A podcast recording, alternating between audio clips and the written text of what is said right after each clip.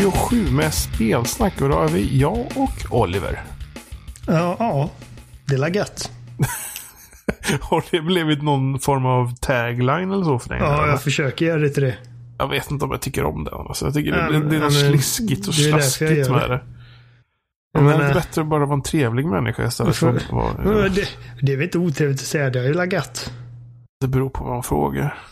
Ja, men det beror ju på, beror på vad man säger också. Typ, ja, men lemlästa barn. Ja, det är gött.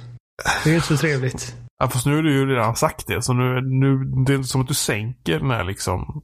Ja, men det är typ, vad är det Oliver? Ja, det är gött.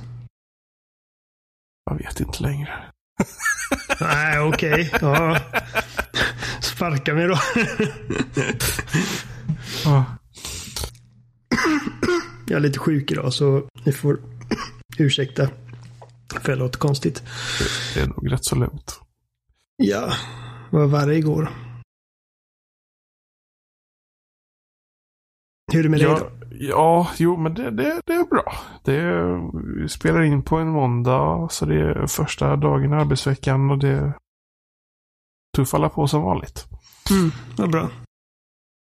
Jag, jag har ju spelat det där spelet som folk tycker att jag borde spela. Det är helt sjukt att... Så, så här, jag tror du skrev till mig, var det igår? Ja. Där du sa att jag har spelat klart Bioshock nu. Eh, och jag bara, what? Alltså, så, när, när började, när tog du dig an det igen? Men det var ju att, ja men, så jag fortsatte ju på min save. Mm. Så jag var ju, Och det var precis efter att Atlas hade liksom förlorat sin familj i ubåten. ja precis, ja. Någonstans där ungefär. Vilket är Ja. ganska nära början av spelet. Det är liksom nej, ja, första akten kanske man säger. Så efter det var väl eh, det här trädgårdsområdet väl tror jag. Ja, precis. Arcadia. Tror jag det hette. Alltså, alltså när man väl började spela det så tuffade det på rätt så fort. Mm. Eh, Okej, så nu kommer frågan då. Förstår du varför du får de reaktionerna när du säger att du inte har spelat det? Eller tycker att, äh, det var lite överskattat. Alltså det har, det har ju eh, åldrats. Ja, och det är det som är grejen då, liksom att man spelar det. Och i år är det ju 12 år sedan det släpptes. Ja. Hur Eh, håller det sig jag tyckte det någon- var otroligt fascinerande att jag inte var spoilad på twisten i spelet. Ja, det är helt sjukt att du Jag har hade, lyckats, hade, hade ingen aning. att du lyckats undkomma det. Man Eh. förstod ju att det var något skumt. Ska vi utfärda eh, någon sorts... eh, Jag menar det är lite löjligt, det är 12 år gammalt spel. Men ska vi utfärda Ja. någon sorts spoilervarning då? Ja, men vi kommer spoila spelet. Ja. Jag orkar inte, det är gammalt. Och, ja, det är 12 år gammalt. Om du inte har spelat Bioshock och är intresserad av då är det, smart då, berättade First Person Shooter så bör du absolut spela det. ja. Eh, ta en paus och spela spelet och kom tillbaka. Ja, så, så jättelångt är spelet. Så det, det hinner man nästan göra på en, ett par dagar. ja, ja. Nej, men alltså, jag hade ju ingen aning att, det, att han skulle då vara den här Fontaine som redan hade nämnts till och från i ja, typ eh, ljudloggarna och så vidare. Mm. ja men det har ju Ehm. varit något sorts inbördeskrig där nere mellan Ja. Andrew Ryan som har grundat staden och, Och- eh, Frank Fontaine tror jag han heter. Man misstänkte ju, alltså man kan ju ha sådana förvarningar, man misstänkte man så att han som hjälper en inte bara har rent mjöl i påsen. Eh, Mm. På samma gång så när det blev den där saken med att hans familj dog. eh, Mm. Att, de, att det exploderade massa jävla ubåt och grejer och så lyckades vi inte rädda hans familj och så vidare. På något sätt så glömde jag nästan bort de misstankar som jag hade. Över Ja. det tillfället. För att då var det liksom så här bara. Hans familj var ju där. De dog. Och nej. Eh, Mm.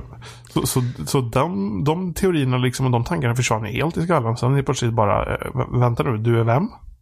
Ja, man kan tänka sig att eh, man blir rätt nedbruten ifall ens familj sprängs i luften. Så, det var fascinerande. Ehm, Men den riktiga twisten är ju egentligen inte att, att Atlas är Fontaine, utan den riktiga twisten är att du spelar Ja, just det. Jack är född i Rapture. Och hela den här Och would, would you kindly. Would you kindly-grejen, det är liksom när du kommer, du kommer till Andrew Ryan som, som dessutom är din biologiska far. Ehm. och Och eh, sen du de gjorde de- inser att... De gjorde tillbakablickar också genom spelet varje gång som karaktären han Atlas hade sagt Would you kindly också. Så man bara liksom, Ja, vänta nu. det tänker man inte på. Att Nej. liksom, för att det är bara något, liksom, alla människor har ju sådana här liksom, fraser man använder ofta. Eh, och Would you kindly är ju inte direkt ett jätte... Det är inte ett märkvärd, det är inte en märkvärdig fras. Så det tänker man inte på liksom att varje gång han har bett dig att göra någonting så har han sagt det. Men det är då det framkommer då liksom att du har hjärntvättats. Sen var, jag, sen var jag så förvirrad för att jag visste ju att det var en twist i spelet. Mm. Så, ja, det är svårt att undkomma. Ja. Eh, och jag antog att det hade någonting med, med uh, nu, Ryan att göra. Mm. Så jag tänkte bara liksom, när man kom fram till det till något rum. Det hängde lite lik på sidorna. Eh, och så fanns det liksom som en on-off-knapp i mitten typ. Då tänkte jag, jaha, Andrew Ryan han är en robot. Eller han är en typ en AI eller någonting sådär. Det är det som är twisten. och sen så kom han liksom fram där liksom senare i spelet och så stod han bakom en glasruta. Jag bara, vänta du, jag trodde han var typ en dator eller någonting. Eh, så- jag var allmänt förvirrad genom det här spelet. eh, märkte jag. Det hade ju inte varit helt omöjligt ifall Andrew Ryan inte fanns på riktigt. Um, Nej, för att han i, fram tills dess så visas han ju nästan bara som ett ansikte som, som eh, är typ en stillbild på lite tv-skärmar. ja, Ja. på porträtt och i statyform och grejer. Så, eh, ja, och sen så var han lite självmordsbenägen och och jag would, would I kindly slog in hans hjärna. Ja, det är rätt coolt ändå att man liksom ber någon att döda en bara för att bevisa en poäng.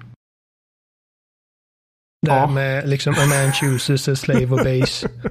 Och han visar liksom att det, du, du har inget val än att göra som jag säger åt dig. Och då tänker man tillbaka på spelet liksom som man har haft då fram till den punkten att du har inte gjort en enda grej i hela spelet fram tills dess på eget bevåg. Utan det är liksom ja, men det blir som en sorts kommentar på hur spelen är upplagda också. Ja, Spel överlag. Eh, så bara, du bara, någon, någon säger åt dig att springa till olika ställen. Mm. Och man bara accepterar det för att det är så spel fungerar. Precis. Uh, alltså jag kommer ihåg, det, det är verkligen blåste skallen om när jag såg det första gången när jag började liksom fundera på vad det, det, den scenen betydde. Eh, inte bara liksom där och då utan vad det betydde för hela spelets uh, händelseförlopp fram tills dess.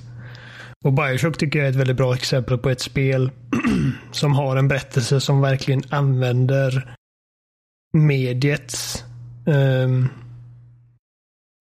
vad ska man säga, egenskaper för att berätta en historia som inte hade fungerat i något annat medium.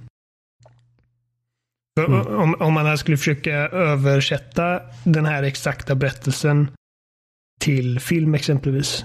Men då, då hade det varit en karaktär som blev tillsagd att göra saker som du såg Mm. passivt och sen så fick man Och- se då att den... Ja, men det de hade ju liksom inte varit en twist. Man hade ju sett att det är något som är konstigt med den människan. Att han svarar aldrig på någonting. Han säger aldrig någonting. Och det accepterar man i spel för att det är bara Mm. så first person shooters karaktärer beter sig. Ja, Och, och, och så är det att man, man själv gör det. Ja, Det är ju inte och ett- Passivt agerande eh, bara. han har liksom ingen form av eh, agency i vad som händer omkring honom. Ehm, så att den, den illusionen hade ju liksom krossats med en gång i en film. Ehm, och det är klart att man hade kunnat berätta en historia om en man som går runt och har ihjäl folk och blir utnyttjad och, och för att han har blivit hjärntvättad och liksom programmerad till att svara på en fras på det sättet. Men det hade inte alls varit samma effekt som du får i spelet när det är du som får reda på att du inte haft någon som helst inverkan på, ett, på händelseförloppet i ett spel som när det kom liksom såldes mycket på att du, du har väldigt mycket val i hur du vill göra saker och ting. Vilket jag menar, i efterhand så det är inte så mycket till val du har egentligen. Det är att antingen döda Nej. eller inte döda Little Sisters. Ja, det, Och- så jag kollade upp det och så kollade jag på YouTube bara för att. eh, Mm. och det, är ju, det är ju tre stycken slut. Där det är liksom de två extrema och så mellanmjölk. Mm. Men det är alltså första gången jag spelade så fick jag eh, då, då dödade jag en enda Little Sister. Fick du räddade mellanmjölksslut då? resten. Bara för att se liksom vad skillnaden är. Ja. Och då fick jag liksom ett, ett jättehemskt slut. Nej, för det, det, det. Egentligen är det det, god, eller det, det, goda slutet och onda slutet. Mm. Mellanmjölksslutet är det onda slutet. Men berättarrösten är ledsen i hur den säger det. Ja, okej. ja, alltså de senaste typ sex, sju gångerna jag klarat det så sen dess har jag bara spelat det eh, med det goda slutet. Får man mer Adam? Du får mer per Little Sister, men om du räddar dem så blir du belönad med de här nallebjörnarna. Mm, med Så med du, du, går, X du, går, du går ändå liksom med vinst om du räddar dem. Det är bara att du inte får liksom belöningen omedelbart. Så att eh, det är så, alltså just det här den pitchen med spelet att eh, du kommer behöva göra ett offer i eh, antingen i moral eller i resurser baserat på vad du vill göra liksom. Eh, och det kommer vara liksom ett ett tufft val, men det är det egentligen inte. I, i, i slutändan så är det ett ganska klippt och skuret. Så här, så här går det till. Och eh, väldigt små variationer i hur olika spelare kommer hantera det. Um, men det är en annan, det är en annan visa. Alltså, just den, den, den insikten att man har liksom blivit inte bara att man har tagit order utan att man har liksom varit någon sorts trasdocka och någon har dragit i snörena hela vägen. Jag får fortfarande lite kalla kårar när jag tänker på det. Liksom, att man har, Så- man har blivit använt som ett vapen i princip. Sen upp- upptäckte jag, alltså jag överlag är dålig på att använda den mekaniken som spelet ger mig. Vilken... Alltså, alltså överlag med spel överhuvudtaget. Um, som när jag spelar Halo Ja. så använder, använder jag typ aldrig granater bara för att jag typ glömmer bort Åh dem. gud. Ja. Ja. jag glömde bort helt att använda de här, uh, vad heter de då? Krafterna. Plasmids. Ja, de glömde jag bort. Alltså de... så, ja. så jag typ, jag, jag bara sprang runt där liksom såhär bara, jag har aldrig ammo. Alltså det, du det sprang runt med bara machine gun också då eller? Ja, men så här alla vapnen. Jag bara bytte igenom alla vapen. Jag bytte igenom alla vapen. Det bara tog slut hur fort som helst. Sen insåg jag ju liksom, vänta nu, den här knappen kan man trycka på. Ja, Och helt plötsligt så kunde man sänka mängden ammunition som man förbrukar hela tiden. ja verkligen. Plasmids är ju en av grejerna som gör striderna roligare än vad de egentligen är. För, Ja. för om man spelar Bioshock som en liksom som en traditionell första persons shooter så är det inget märkvärdigt egentligen. Nej, för Eh, Du, kan- du kan ju få motståndarna att skjuta på varandra och allt möjligt istället för att... eh, Ja, ja, men det finns ju massa roliga grejer med plasmids. Att du kan, du kan sätta eld på någon snubbe som då direkt kommer försöka leta upp någon sorts eh, pöl med vatten att, eh, att släcka elden i och då följer du upp med elektricitet i den vattenpölen och bara eller skicka ut massa bin ur händerna på dig och distrahera dem och göra skada över tiden eller frysa dem så att du kan slå sönder dem med din lilla wrench. Alltså om du späckar din karaktär på rätt sätt så kan du göra wrenchen till det typ största mördarvapnet i hela spelet. ja, för den, den skaffade den var ju ganska nice. Att man, man fryser motståndare. Mm. För då kunde man verkligen eh, minska en mängd ammunition. Det var bara att frysa den, slå lite och så Mm. då blir det inget kvar. Och sen så finns det ju eh, någon sån här kraftgrej som gör att man gör mer skada med wrenchen också. Så Mm. de i kombo liksom. Det bara frys, slå, dö. De är asbra. Nej, men det, så det, det är ju lite att liksom missa eh, potentialen i spelglädje med det. Ja, Att inte använda plasmids ordentligt. men jag upptäckte det och sen så gjorde jag det till, till något som sorts eh, personligt uppdrag till att, att leka runt med det så mycket som Ja, möjligt mot verkligen experimentera. Eh, för det är som sagt, det är en sån här sak som jag observerat med att jag jag är jättedålig på typ så här att använda de verktygen som vissa så spel ger en. Så här. Jag, bara liksom, jag bara kör på och så slutar det med att Mm. man missar en stor del av sakerna som man skulle kunna använda som skulle kunna göra saker lättare. Jo, men det, jag kan också bli sån eh, i vissa fall. Eh, som i liksom, exempelvis Witcher. Jag har klarat det. Witcher 3 har jag klarat tre gånger. Och jag har aldrig lagt en enda en enda eh, sån skill point på någon alkemi. Men det är Eh, ett sånt spel som är så brett så att det, är- det är inte så konstigt att man inte ger sig in i allt. Plus att det blir också Nej. att man kanske får saker man, man är bekväm med. Eftersom du måste lära dig saker och sen när du lärt dig dem och så kanske du spelar igenom spelet igen för att få Ja, storyn igen mest egentligen. Precis. Ja, men det, det, det är inte många spel eh, verkligen överöser dig med olika abilities och skills och grejer. Så att det är inte alltid lätt att, att verkligen testa allting. Det finns ju massa grejer, exempelvis Dishonored, som jag aldrig har testat. Utan att jag, jag har hållit mig till det, typ tre, fyra olika powers. Men att liksom bara helt missa att du ens har plasmid. Det Om, om de var där nivå. men jag bara orkar inte. Och sen så insåg jag att de, de, de hjälpte Det är svårare att missa det i Bioshock 2 tror jag. För att där håller du alltid upp ett vapen och en plasmid samtidigt. Men där är en grej. Jag bara hört dåligt om tvåan. Mm. Innan vi går vidare till tvåan så vill jag prata lite om sista delen av Bioshock. För att även om jag dyrkar Bioshock eh, och håller av det som ett av de absolut bästa spel som någonsin gjorts. Så tycker jag att efter den twisten så tappar det ganska mycket. Det, är liksom, det tappar eh, Steam. Ja, jo. Kände du också det? Men det är... Det, ja, men det är så här typiskt överhuvudtaget att det... Vad, skulle det komma med sen? Eh, Nej, det är ju det. Alltså, jag känner att eh, det är nästan så att spelet hade behövt sluta där. På något sätt. Det hade varit väldigt nedslående, men det hade också haft en större impact tror jag. Eh, ja, eller så, eller så har de fått försöka lyckas med något mer efter det. Men jag tror nog att spelet Ja. hade behövt vara längre då. För jag tror inte den biten efter där fram tills slutbossen tror jag inte hade räckt att bygga upp till ett till något tillräckligt nej, jag stort. Jag tror att för, för mig är det nog det kanske största problemet är att liksom spelet verkligen står där med en sån käftsmäll och säger att du har ingen form av val eller någonting. Du är bara liksom en, en liten Ja, docka jo. som vi styr.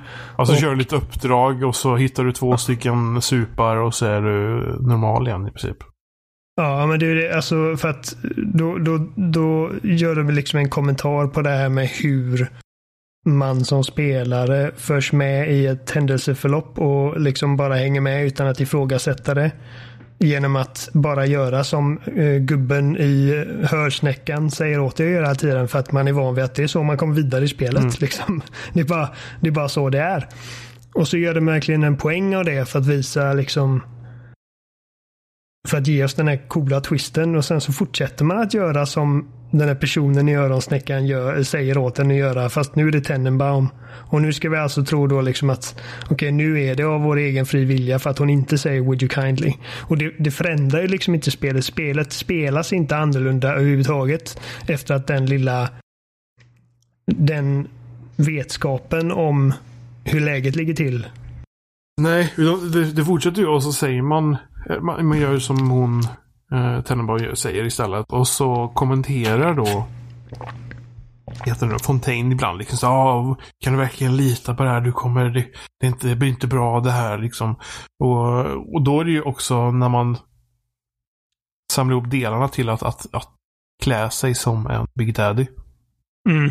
Och Mm, då är tänkte jag att, då tänkte jag att här finns ju plats nästan för någon typ av twist att man när man blir den här Big Daddy på något sätt, att man får typ någon sån här galenskap och blir liksom Om att du blir fastnar en, som en Big Daddy. precis. Mm, men det gör man Eh, inte. Nej, utan det är bara liksom, ja, nej men det är bara, det, det är bara en direkt och så eftersom jag hade räddat eh, alla Little Sisters då så fick man ju det fina slutet också. Så man bara, ah, man räddar dem och tar dem till en f- fina världen ovan ytan. Mm. Um, ja, det, det, förstod jag inte riktigt heller. För jag antog att det var typ som några små tjejer. Jag förstår, jag förstår inte så här händelseförloppet riktigt. För att det känns ju som att det var en stund sedan allt gick åt skogen där nere. Mm, det var ett bra tag sedan. Ja. Och Nej, men, de här småtjejerna okay, har ju alltså, inte... Det är ju inte de, de årtionden sedan. Nej, men, det, men de småtjejerna är ju, är ju små och de känns som att de inte har vuxit. Sen plötsligt när man tar dem över ytan, ja men då kan de växa upp och gifta sig och grejer. Uh, jag, tror, jag, tror, jag tror inte det handlar om att de inte växer. Det är bara att de uh, och det är lite, skaffar nya. Ja. jag vet inte riktigt. Uh, de, alltså, solljuset får dem att växa. de är som ja. blommor. Nej, men när de befrias från detta så, så kan de fortsätta sina vanliga liv. Man får faktiskt se lite mer av hur det fungerar med, alltså inte bara hur det är att vara en Little Sister utan även hur bandet mellan en Little Sister och en Big Daddy fungerar. För att eh, de vill ju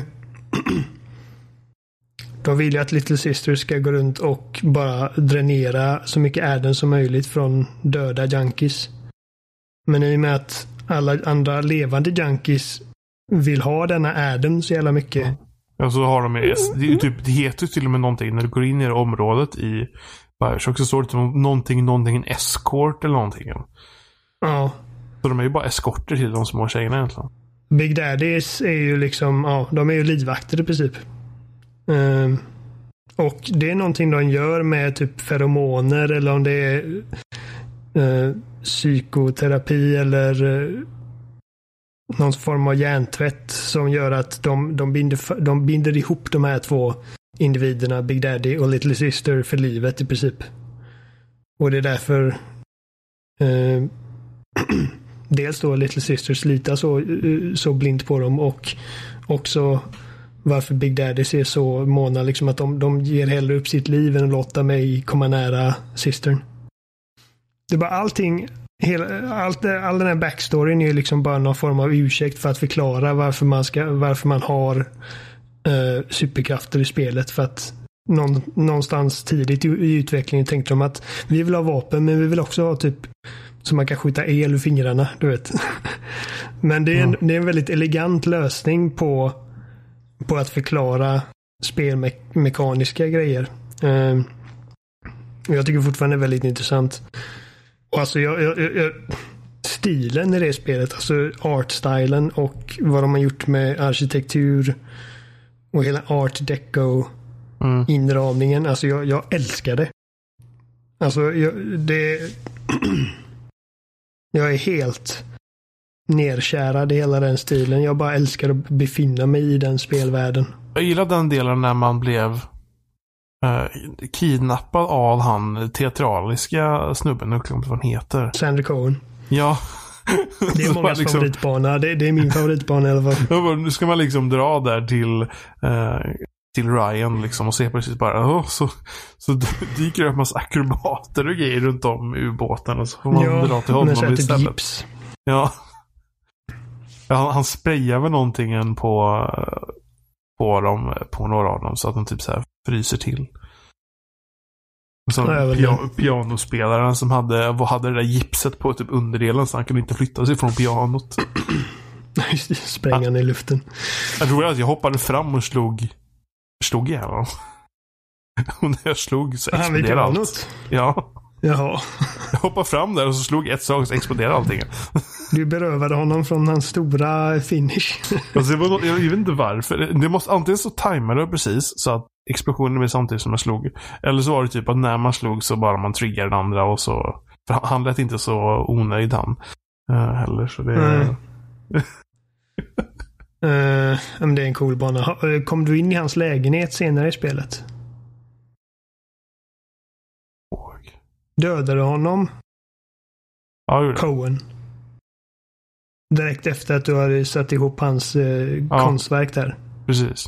Ja, okej. Okay. då, då, får man ju nyckeln av honom så man kan öppna en av de eh, montrarna där. Ja, just. Om du inte dödar honom, bara för han låter det gå. Han har ju liksom fått vad han vill ha från dig, så han har inget emot dig i så sätt.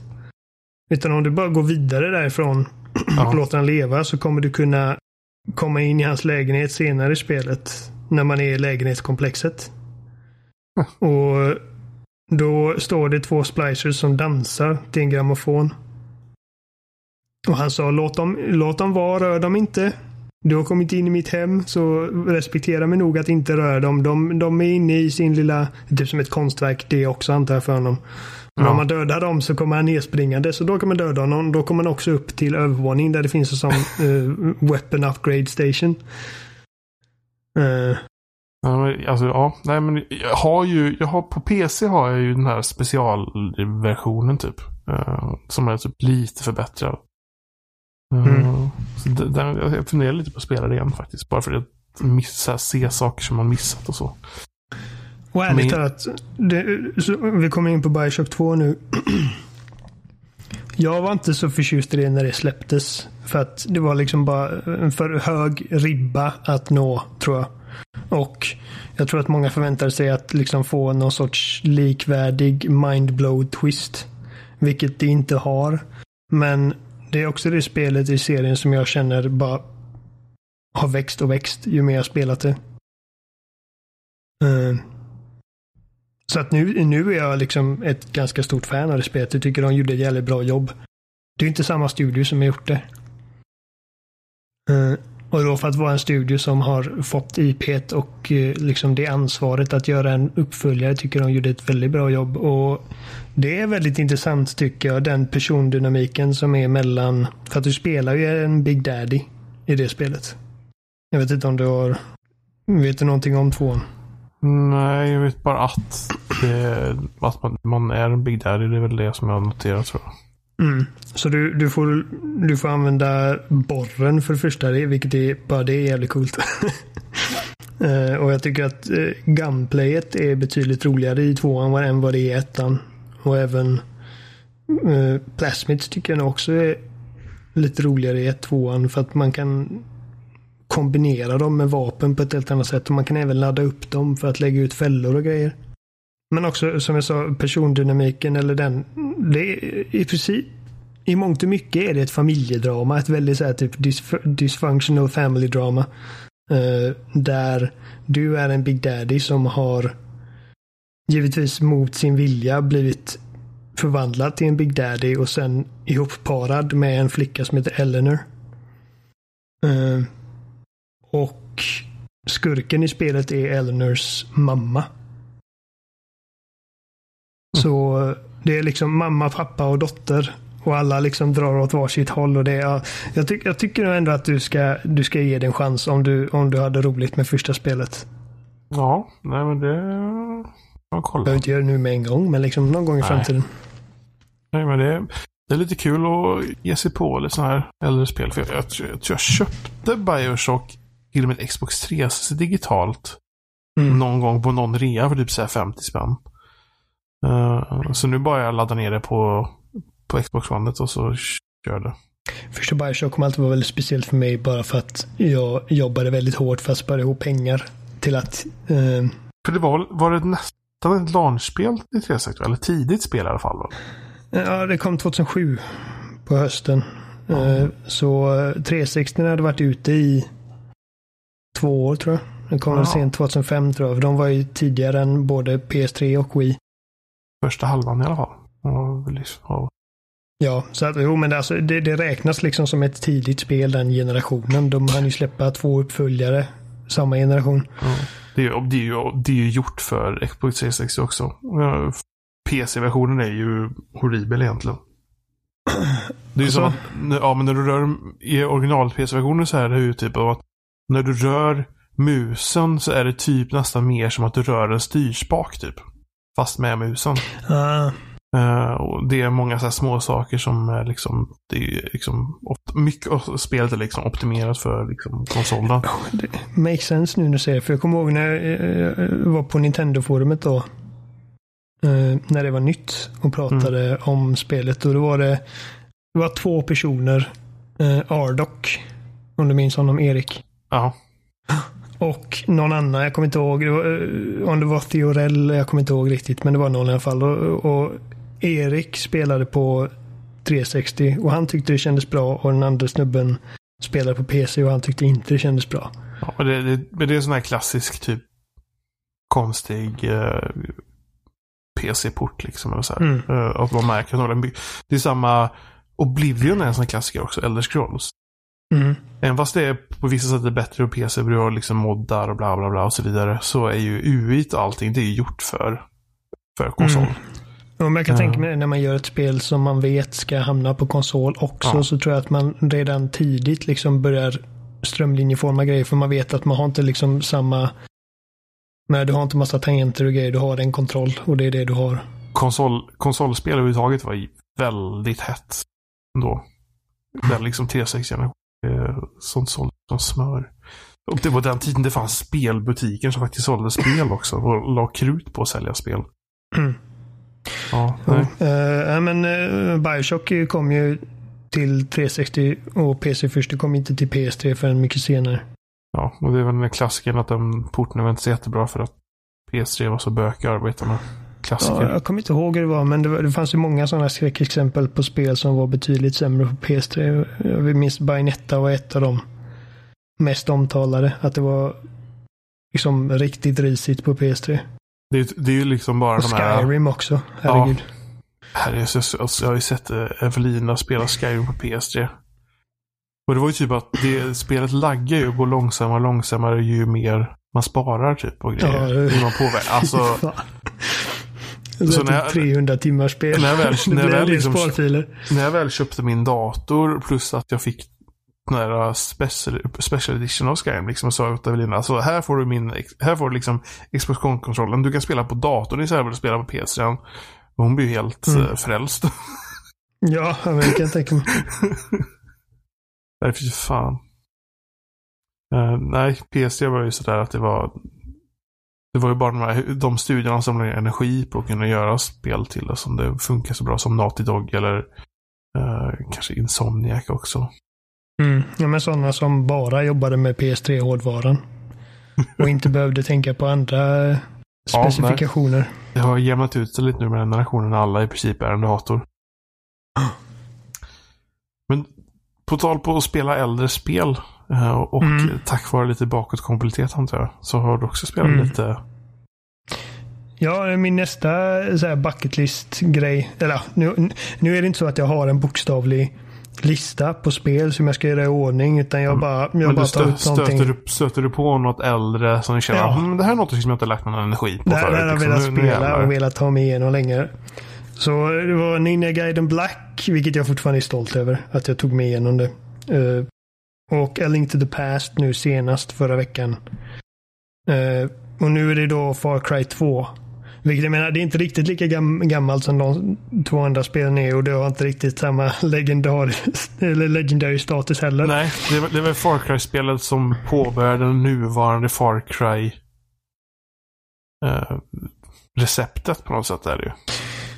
Eh, alltså det tog ju, för det första spelet gjordes ju av Crytek. Mm. Som sen gick vidare och gjorde Crysis. Och sen gjorde ju ett, gjordes det ett gäng Far Cry-spel. eh, typ hette det? Typ Predator. Instinct Predator. och Predator Ja, någonting. så det, fanns Eller någon Wii, det fanns ett spel på Wii och det fanns något på original Xbox. Och det fanns ett på ett eller två på Xbox 360. Eh, Gjorde det tror jag. Något i alla fall. Ja, något på 360, något på original Xbox. fall. Jag vet att eh, Far Cry på Xbox vet jag spelade jättemycket med några kompisar då vi gjorde det fanns en in-game map editor. Så vi gjorde karta och sen spelade vi fyra mot fyra på på de Var kartorna. det och Far. Cry Instincts eller? Jag kommer inte ihåg vad den... Kom ja, det, 2005. jo, det kan det ha varit.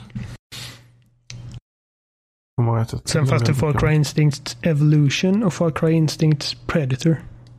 Båda de två kom samma år. Sen här fanns något som hette Far Cry Vengeance. Det finns något till Wii också. Ja. med så här, sån här sikta med peka mot tvn historia.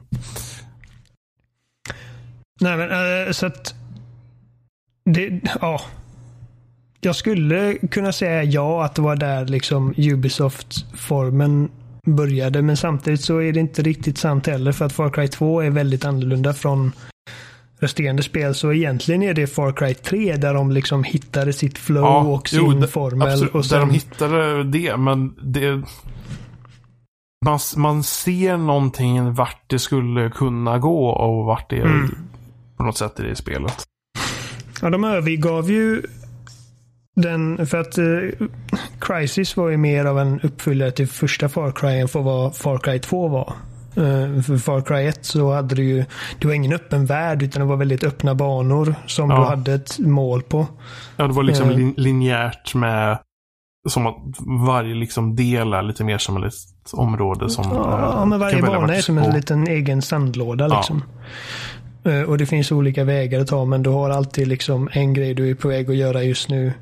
Och du hade lite mer så här sci-fi, typ några monster, fiender och grejer också. Vilket de tog ett steget längre med i Crisis 1. Som också fungerade precis som det att du hade liksom ett mål och kanske ett par sidoobjektivs men, men det var liksom inte en open world-grej utan varje bana var en egen sandlåda. På, och på den tiden var ju inte hela den där open world-grejen så... Det var ju inte det jätteheta heller väl, just på Far. Cry-tiden. Alltså hade förrän- Crisis eller första Far Cry gjorts idag så hade det förmodligen varit ett open world-spel. Ja, jo.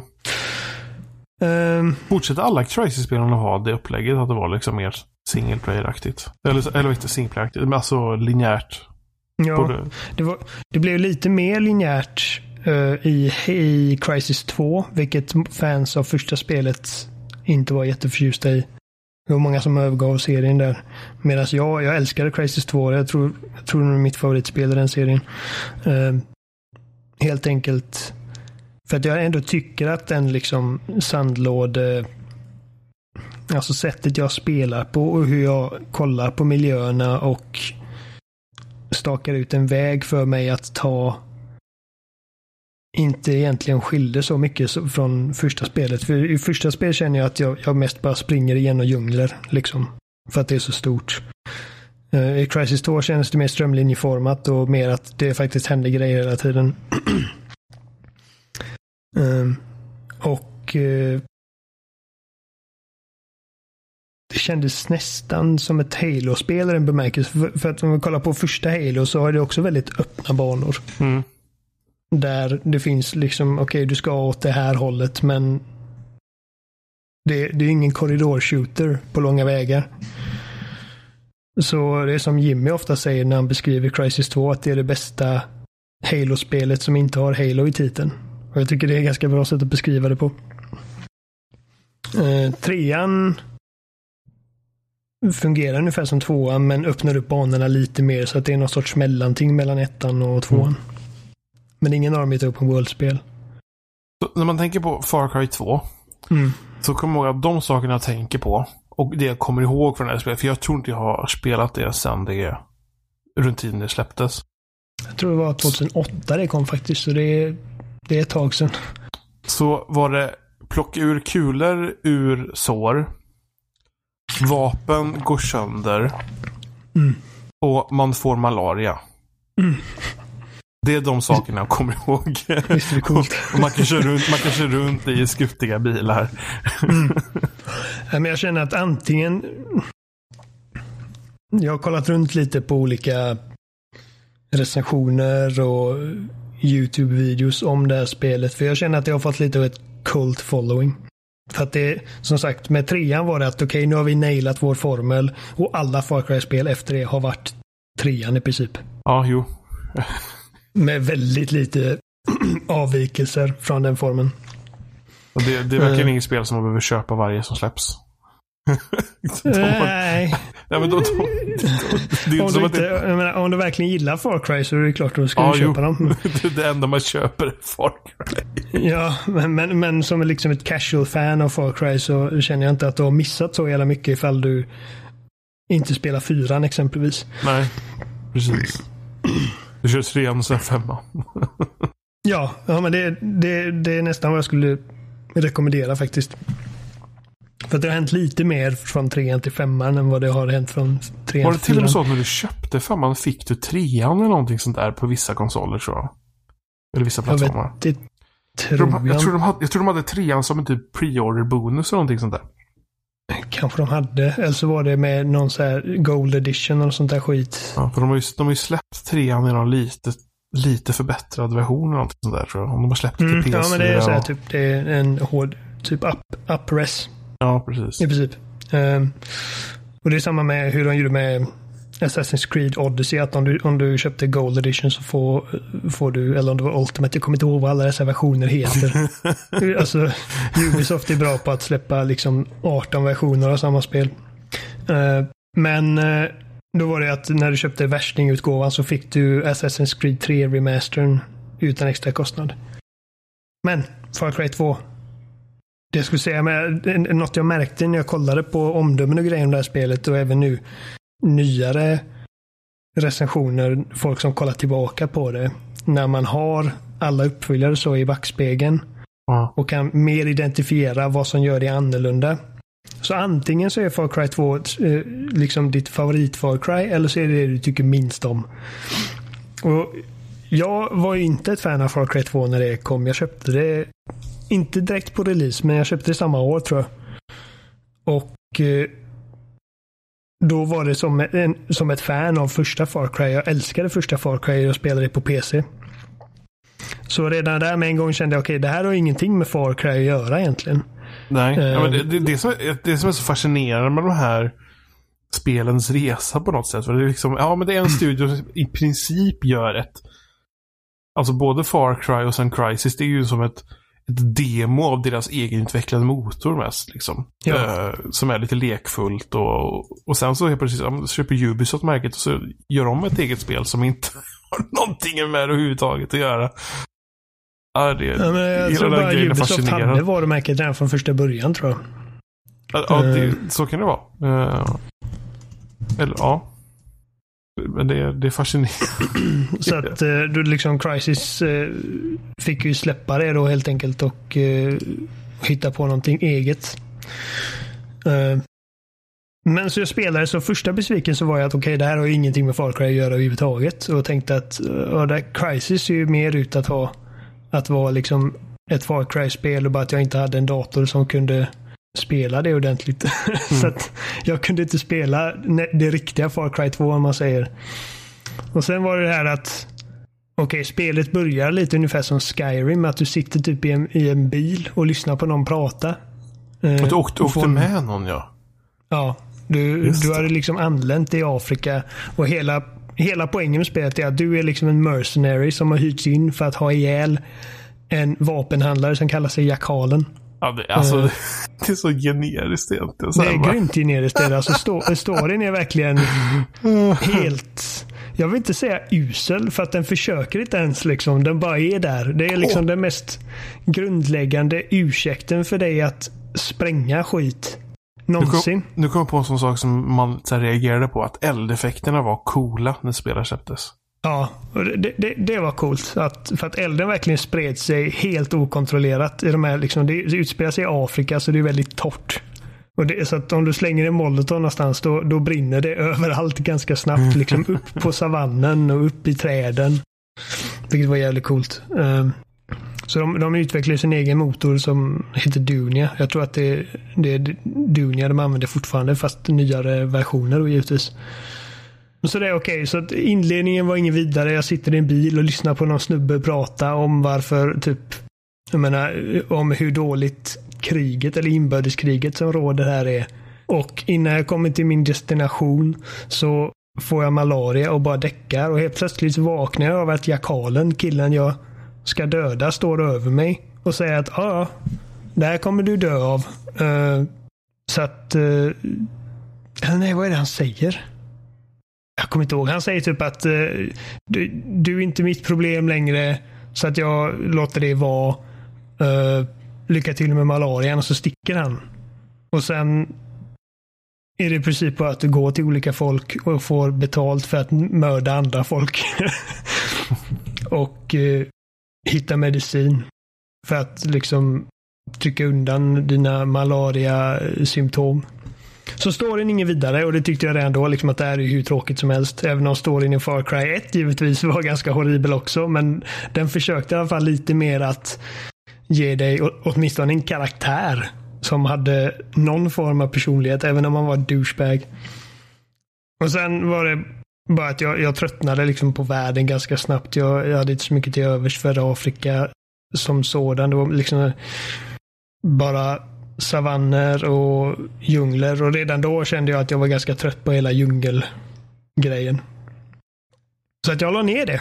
Och tänkte inte på det mer. Och så kom trean och jag tyckte om det jättemycket. Jag bara, där, där, det är så här det ska göras. Nu, nu snackar vi. Och sen har jag läst då liksom, typ, jag kommer ihåg första gången jag började tänka på Far Cry 2 i ett annat ljus, eller vad man ska kalla det, så var när Mitch Dyer som nu, nu är han känd för att ha, för att har skrivit, eller varit med och skrivit storyn i Battlefront 2, men innan dess så var han på IGN. Och han skrev en, eh, en eh, opinion piece om varför Far Cry 2 är det bästa Far Cry-spelet och alla borde spela Far Cry. Så då, då tänkte jag, alltså så det finns alltså folk som verkligen tycker om det här spelet. Så att det har alltid varit min intention. Alltså, jag är så svängelsk så det är helt sjukt. Det har alltid varit min avsikt att återvända till det här spelet. Uh, och titta på det med nya ögon. Liksom. För att nu vet jag liksom hur den serien utvecklades. Och jag vet hur jag efter fyran och även lite efter femman känner att okej, okay, den här serien behöver liksom hitta en ny identitet ungefär. Mm. Så på det sättet så står Far Cry 2 definitivt ut för att jag, jag har inget emot att malarian kan komma och fucka upp det för dig ibland. För att så länge man har medicinerna så gäller det bara mm. att... Men det är bara, äh, alltså när det släpptes. Hur gamla var vi då ens? Jag var 18. Så att... Var det så? Var det, kanske var det då det släpptes ja. 2008. Alltså, jag vet inte varför, men det är på något sätt att på den tiden så hade jag så, alltså om jag, om jag har kort tålamod nu så hade jag haft ännu kortare då. Så det var någonting med den mekaniken som var att jag liksom bara, jag orkar inte med orkar inte med det bara. Men som du säger, bara man fattar mekaniken så blir det inte så stor grej som det är. Ja. Vapengrejen, att de liksom jammar mitt i allting och sen går sönder så att du är tvungen att kasta iväg dem. Det händer ju mest när du plockar upp vapen från fiender. Precis, ja, just det. Så är det.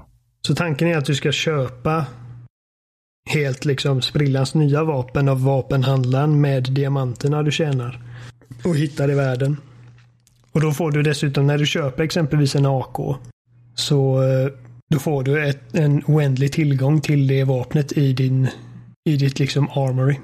Så du kan gå och hämta nya, sprillans nya AKs hela tiden.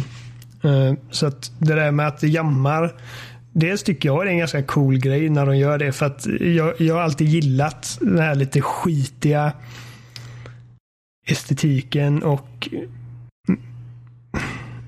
det här lite grisiga, smutsiga, typ oljiga skitgöra. Du vet. Alltså, det är en av de stora grejerna, eh, anledningen till att jag gillar metrospelen så mycket. Att du, du, får, du skjuter med hemmagjord ammunition och vanliga liksom, eller riktiga militärkulor är i princip så sällsynta att de används som pengar. Mm. Och du tvingas eh, jaga, liksom kolla runt i omgivningarna för att hitta nya filter till din gamla spruckna gasmask för att överleva i radioaktiva zoner. Och du och vi, måste hålla... Vi har ju pratat på att det ser lite tråkigt ut i Rage 2, att allting ser så extremt rent ut. Alltså med vapen och så mm, vidare. Ja. Det, det, det, är i alla fall det jag känner är det som verkligen tänder av mig mest på det spelet. För jag tycker i övrigt ser det rätt kul ut. Alltså det, det påminner lite om typ Doom. Det hade inte jag tänkt på ens. Jag vet att jag kollar på man kollar på någon video som var ifrån Quakecon eller någonting sånt där. Um, nu när vi skulle ha avsnitt inför uh, 2019 så kollade jag på så bara liksom oj, det ser ju verkligen... Alltså jag, jag tänkte att ja, men de ser väl lite renare ut men det var ju det var nästan så att man det var ju framtidsvapen som såg helt sprillans nya ut i någon sorts ja. postapokalyptisk. Shiny och fina. Ja. Men alltså, jag, menar, jag, jag, jag gillade Akon i första Rage för att den var så jävla grisig och äcklig. Och liksom, den såg verkligen jättebegagnad ut. Men det, jag tycker att sånt skänker liksom karaktär till världen på ett sätt. Det, det, kan ju bli tråkigt efter ett tag också om det är liksom fyra nyanser av brunt i allting hela tiden också. Jo, givetvis. Så det, Det, är alltså, förmodligen... det finns ju lite mer high-tech vapen och sånt som du får av liksom finare militärfiender mot andra halvan av spelet i Rage 1 också. Men jag kan tänka mig att det är där, Eh. därför Art Direction har gått som de har gått i, Mm. i Rage 2 också. Det vore möjligt. Men alltså, I alla spel känner jag att när, när, jag, när jag är en sån, liksom att jag känner att jag är i den här världen och jag måste verkligen alltså, vara lite av en scavenger för att liksom samla ihop skrot och göra grejer som jag sen kan överleva med. Sånt gillar jag. Eh, och eh, det är inte riktigt lika extremt som det är i Metro, liksom, där du måste där du måste trycka på en knapp för att ta handen och liksom kladda av visiret från blodstänk. När du har dödat en, så här, en monsterrotta nere i kloakerna. Eh, men det har den liksom lite den känslan att okej, du måste se till. För det första så har du ingen, ge- du har ingen eh, liksom regenererande hälsa. Utan du måste hela tiden ha sprutor. Mm. Eh, och dels så måste du alltid ha, se till att du har eh, malariamedicin för när du visar symptom. Men hur är det, men när mycket är skadat så kan man få lite hälsa av att plocka ut kulor väl? Eller? När, du, när du har kommit ner till den sista liksom baren på hälsomätaren. Då kan man göra en liten boost med att plocka ut kulor. Ja, så att eh, du, du får alltid chansen att när du trycker på liksom eh, kanylknappen LB Mm. på Xbox One-kontrollen. Så om du har mer än vad är det, typ 20% hälsa så tar du en spruta och får full hälsa. Men om du ligger under 20% så, så kommer du få en liten animation där du antingen typ drar ut något splitter ur Ja, låret det. eller pillar av pillar ut en kula ur handen med, med en tång eller bränner ett sår för att sluta det liksom och stoppa blödningen. Så- Sen det här när vi pratar på slitna saker. så det som jag gillar med alltså, slitna saker, om man tänker både film egentligen och, och spel, allting, det är ju hur man, man bygger en värld. Att det är någonting som faktiskt används och inte bara ser nyfabrikerat ut. Eh, till exempel i de första Star Wars-filmerna i 4, 5 och 6 så finns det liksom historier om hur George Lucas gick runt och, och, och skällde ut städpersonal eh, när de spelade in i Pinewood för att de liksom, de här städpersonalen skulle ju hålla de här eh, halvglansiga golven så rena som möjligt hela tiden medan eh, hela tanken med allting i de filmerna var att det skulle se lite halvsletet och använt ut. Eh, Sen gick det ju en helt annan riktning när ettan, tvåan, trean kom. Ja, gud. Där är allting shiny och blanken och bara bländas av allting. Eh, Men det är någonting som man, i alla fall jag gillar med typ Episod 4. Uh, Ja, Star Wars. Att, den, att liksom. allting är liksom småslitet och sådär. Um, och det är ju, och samma, där är också, om man tänker Sagan om ringen också. Det, det är en eh, kostymfilm där massa folk har kostymer på sig. Men ofta liksom när de, när de väl har varit ute och vandrat ett tag. Då är de sletna och, och liksom Leriga och blöta och äckliga. liksom. Ja. Eh, Det är Så- också sån grej som gör att eh, Sagan om ringen-filmerna är mycket snyggare än Hobbit-filmerna. För plötsligt så har han typ oändligt med budget och kan bara göra allting i datorn. Åh, herrejösses. Ja, Jag tror eller, liksom- eller, eller tunnorna i, vad är det första, är det första Hobbit-filmen de åker i tunnorna? Den Ja, jag andra? Och de har med så här små så här klipp med GoPro-kameror i så här 1080p också. Ja, åh gud. Kan det varit andra nu när jag tänker efter? Jag kommer inte ihåg. Jag Skitsamma. kommer Det är jag. Hobbit-filmen.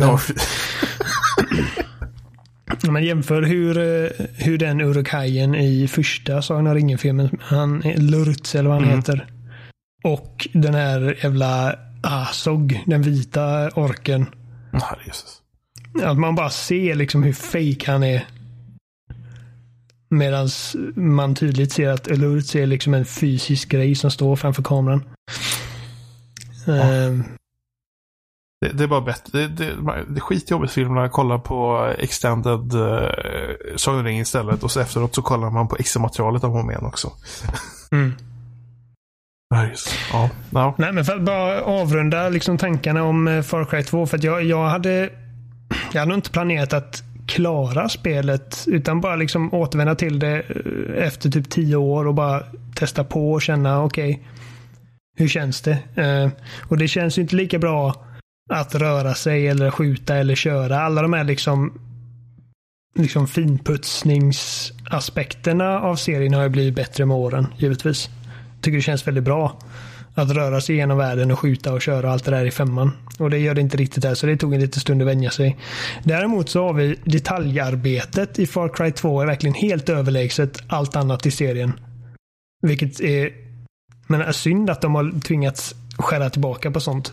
Om man kollar typ ifall du skjuter en, jag såg en video av eh, vet inte vad han heter, typ Crowcat eller något sånt där på YouTube. Där han jämför han bara gör massa grejer i Far Cry 2 och Far Cry 5 och jämför liksom var gränserna går rent tekniskt för dem. Och han testar att skjuta av individuella grenar på ett träd med ett vapen i Far Cry 2, vilket fungerar. Liksom grenarna går av där han skjuter dem, vilket inte funkar i Far Cry 5. Och även om elden som sig inte är lika snygg i Far Cry 2 som den är i Far Cry 5 givetvis, det är ändå tio år skillnad.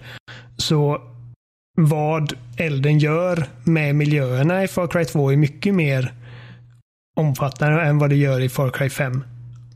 Om du tar en granatkastare och skjuter liksom i ett typ träskjul i Far Cry 2 så sprängs faktiskt väggarna bort och grejer och det mm. gör ingenting i Far Cry 5. Så att massa sådana grejer som bara gör att hela sandlådeaspekten där liksom att hela poängen med spelet är att det ska vara kul att gå in i ett fiendeläger och rensa ut dem. För att uppdragsdesignen för Cry 2 är inget vidare. För att du går till någon snubbe och så får du en perm med din betalning och så säger de gå och döda den eller förstör det där. Och så gör man det. Mm. Uh, utan det är ju det som händer liksom på vägen dit. För att du kan liksom inte fast-travela överallt. Du har busstationer du kan köra mellan. Men det finns bara fem stycken. Uh, så att för, för det mesta får du se till att ta ett fordon. En bil och köra. Och du har heller inga waypoints eller så GPSar eh, som menar, blir moderniserat med GTA 4. Där du hela tiden ser på minimappen vilken väg du ska ta för att komma dit snabbast. Inget sånt här, utan nu får du liksom ta upp kartan. Vilket för övrigt, jag älskar detta. Det är en bokstavlig karta som din karaktär plockar upp i handen. Ja. Och måste kolla på. Uh, så att bara det är en grej, liksom att det känns som att jag är inte fram och tillbaka mellan spelvärlden och kartmenyn hela tiden. Utan jag är alltid i världen oavsett vad jag gör. Och eh, Jag måste liksom kolla på kartan då och se att okej, okay, vilken rutt kan jag ta? Bara, nej, inte där, för där är stort, en stor klyfta. och måste köra den vägen. Så att man är mycket mer involverad även i bara en sån tråkig sak som att köra till ditt objektiv. Vilket gör att man kanske råkar på att hitta liksom en diamantstash. För att ekonomisystemet i spelet finns inga pengar utan du, du, du handlar för rådiamanter. Och det är också liksom den enda collectiblen som finns i hela spelet. Det är liksom små portföljer med diamanter. Vilket gör att när man, när man får liksom en sån liten varning på din eh, radar. Som pekar, och så den blinkar liksom när du är nära en diamantstash. Då blir det bara, åh, det här är faktiskt en collectible jag vill ha för att det gör att jag kommer vara lite närmare till att köpa nästa liksom coola vapen. Det blir inte det här meningslösa med att åh, jag måste gå och plocka blommor för att göra ett health kit. Eller något sånt. Um, så det, det, det är liksom inte proppat av snudd på meningslösa sidoaktiviteter som många av de modernare Far Cry-spelen eller många moderna Open World-spel överhuvudtaget har. Och det har mm. liksom inte 17 olika typer av collectibles som de vill att du ska hitta. Och, det, och interfacet också. Det, det är också en väldigt viktig grej tror jag att du har inte massa markörer och mätare och gud vid allt vad det nu kan vara på skärmen hela tiden. Det är väldigt nedskalat. Du har liksom din hälsomätare och ammo och det är i princip det. Och när du liksom inte kör eller när du inte är skadad och whatever så har du ingenting på skärmen vilket gör att det blir ännu lättare. Jag är bara en sucker för ett minimalistiskt användargränssnitt. Jag älskar sånt.